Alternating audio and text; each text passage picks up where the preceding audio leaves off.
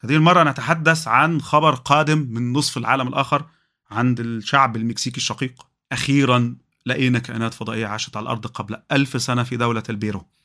آه، جلسة استماع في البرلمان المكسيكي آه، مجموعة من الصحفيين على رأسهم خايمي موسان صحفي مكسيكي شهير جايبين كائنات حاجات كده 30 40 سم محطوطة في صناديق زجاجية شكلها غريب آه، راس كبيرة جسم ضئيل عينين صغيرة وعينين صغيرة وبق صغير. بتفكرنا بالمناسبة بالإي تي بتاع الفيلم زمان اللي كان يقعد يشار على السما كده يقول هوم وصوابعه تنور كان فيلم مشهور إحنا شفناه في التسعينات وكان فيلم جميل يعني وإحنا أطفال.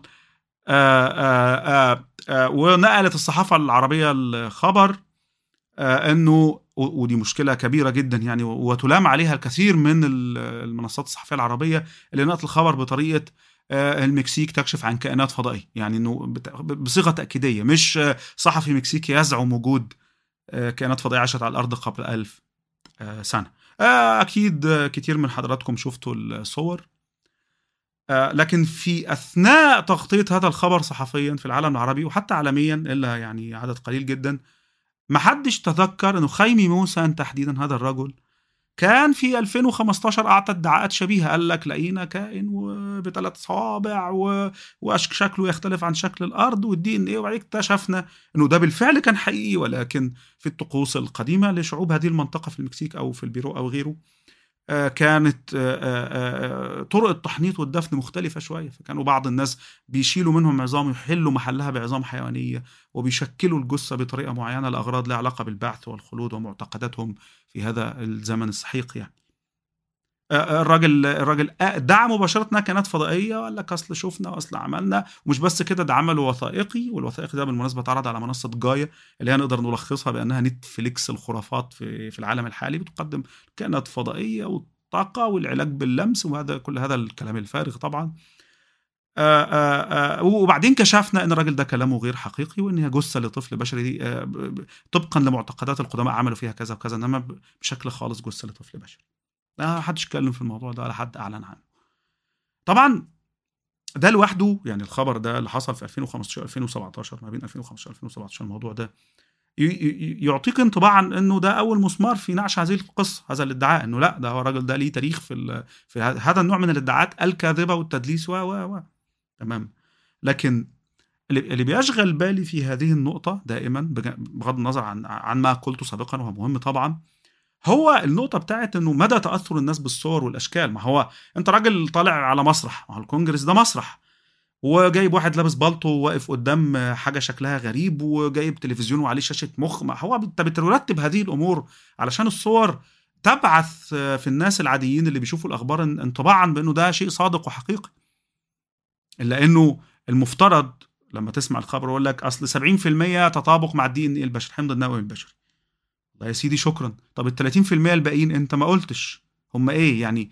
يعني انت بتقول لي يبدو انه مش انسان. ماشي يبدو انه مش انسان بس معلش لم ت... لم تعطيني انطباع بحثي عن انه هل عندك ورقة بحثية تقول انه آه مش انسان بس هو كائن اكسترا من خارج هذا الكوكب؟ الحمض النووي بتاعه مختلف تماما عن كوكبنا. ما, ما فيش الكلام ده ما ظهرش. وخلي بالك انه المفترض بش... يعني الادعاءات المثل الشهير بيقول اللي نقلوا كارل سيجن مش هو اللي عمله اللي نقله كارل سيجن بيقول الادعاءات الاستثنائية تتطلب أدلة استثنائية. أنت بتقول لي إن في خبر عظيم وهو إنه في كائن فضائي.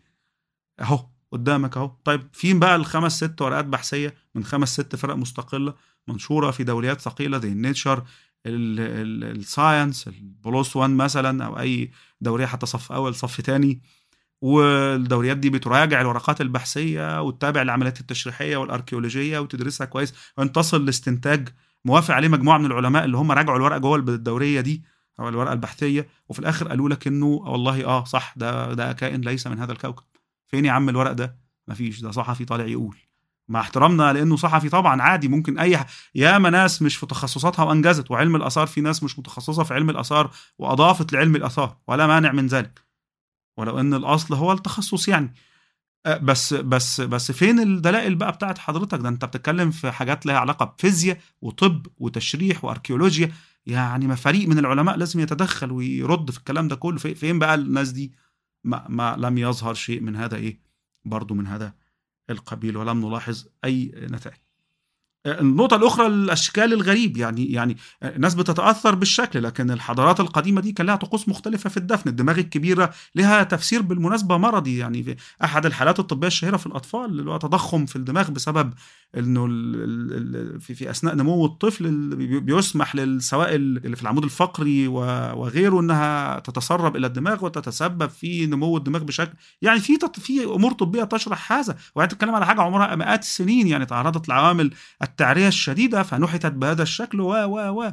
فمعلش الشكل اللي انت شايفه ده مش شكل الكائن ده لما كان وقتها. ربما طفل صغير تم التعامل معاه بسبب عقيدة ما كان يؤمن بها هؤلاء الأشخاص قديما. فخلته بهذا الشكل الغريب كان وإحنا عارفين الحضارات القديمة كانت أساسا بتمجد كل ما هو مختلف.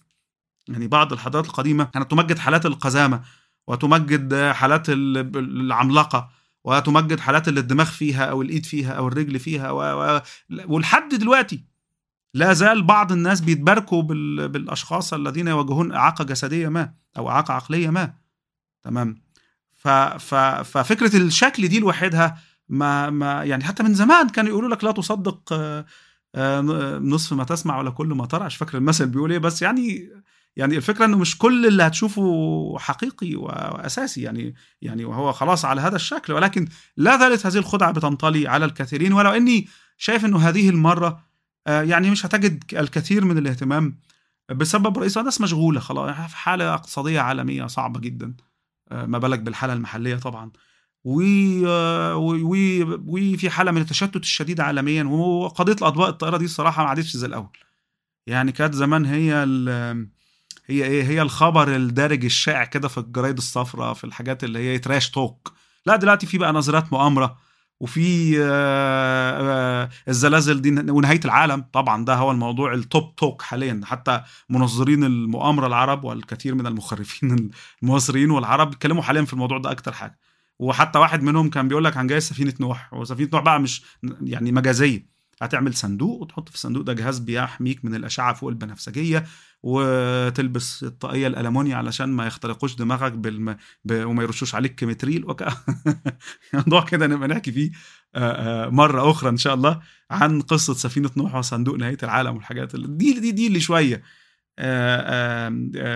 واكلة الترند في عالم التخاريف في العالم العربي كله ومصر إيه بشكل خاص. لكن القضية المكسيكية دي اللي هي مفندة من أول ما شفت طبعا هو أنت المفترض ككائن يعيش في القرن في سنة 2023 بقالك 10 سنين تعيش على الإنترنت وتعلم إنه هو مرتع للاخبار المضللة فدايما المفروض عندك بتتحسس أدواتك النقدية كده أول ما تشوف أخبار من هذا النوع ادعاء كبير وكلام كبير جدا فعلى الأقل تتشكك وبعدين تتأكد بقى أصل لا ده الراجل ليه أصول نصب قبل كده تاريخ نصب وأصل فيه ورقات بحثية. وخلي بالكم في نقطة كمان تذكرتها الآن هي إنه المنصه يعني المؤسسات المختصة زي وكالة فضاء ناسا وخلي بالك مش وكالة واحدة عندك ناسا ليها وكالة وروسيا ليها وكالة والصين ليها وكالة والدول العربية دلوقتي كل ده والإمارات فيها وكالة والسعودية ومصر فيها وكالة فضاء. الكثير من الدول أصبح لها وكالة فضاء وتلسكوبات بتراقب العالم. والجميع متفقين وجماعة إلى الآن لم نرصد أي كائنات فضائية.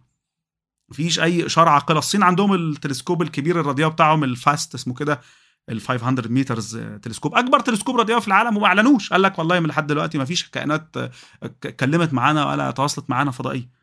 ف يعني الناس اللي عندها التلسكوبات الكبيرة والاقمار الصناعيه اللي في السماء تقول لك ما فيش. وأنت اصل أنا لقيت وأصل كانوا هنا وأصل وأصل. ما برضه ده لازم يحط في يوضع في السياق. تمام. يعني يوضع في السياق إنه طب فين المختصين؟ ده راجل صحفي جاي يتكلم. فين بقى المختصين؟ الوكالات الفضائية المختصة ده. حتى ناسا كانت لسه بتعلن عن نتائج أحد المؤتمرات وهنتكلم في ده كمان شوية طبعا على اعلان وكالة ناسا كانوا عاملين بالفعل فريق من العلماء المستقلين من الفيزياء والذكاء الاصطناعي والهندسه وغيره ليدرسوا الظاهر الجويه الشاذة اللي شكلها غريب جدا واللي بترصدها الطائرات بتاعة الجيش الأمريكي عشان يقولوا الحاجات دي هل ممكن تكون اكسترا تريستر هل ممكن تكون قادمة من حضارة بعيدة وغريبة و و و والنتيجة اللي توصل لهذا الفريق ببساطة إن لا والله ما فيش لا يوجد في هذه الظواهر الجويه الشاذة ما يرجح إن هي اكسترا تريستر جاية من خارج هذا الكون من خارج هذا قصدي الكوكب.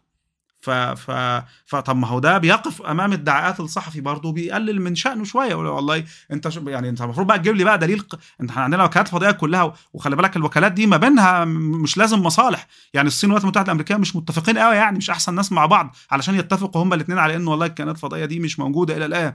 ولا مثلا الصينيين والروس والروس والأمريكان. وكالة الفضاء الأوروبية واقفة في النص ما بينهم. والدول الأخرى عندك الإمارات عندها مسابير دلوقتي بتلف حوالين المريخ والقمر والهند طالعين رايحين للشمس وراحوا للقمر وعندهم مشاريع. واليابان عندها طب الناس دي كلها عندها تلسكوبات. ما, ما أكيد كل ده عارف. ما لما بتيجي إشارة بتيجي للكل. ولا هي بتروح على الولايات المتحدة فقط؟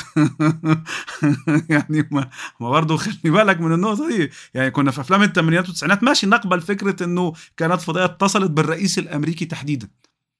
يعني Independence Day وهو الوحيد اللي قدر يعمل بدماغه كده فيلم Independence Day ويتواصل مع الكائنات الفضائيه ويقود العالم.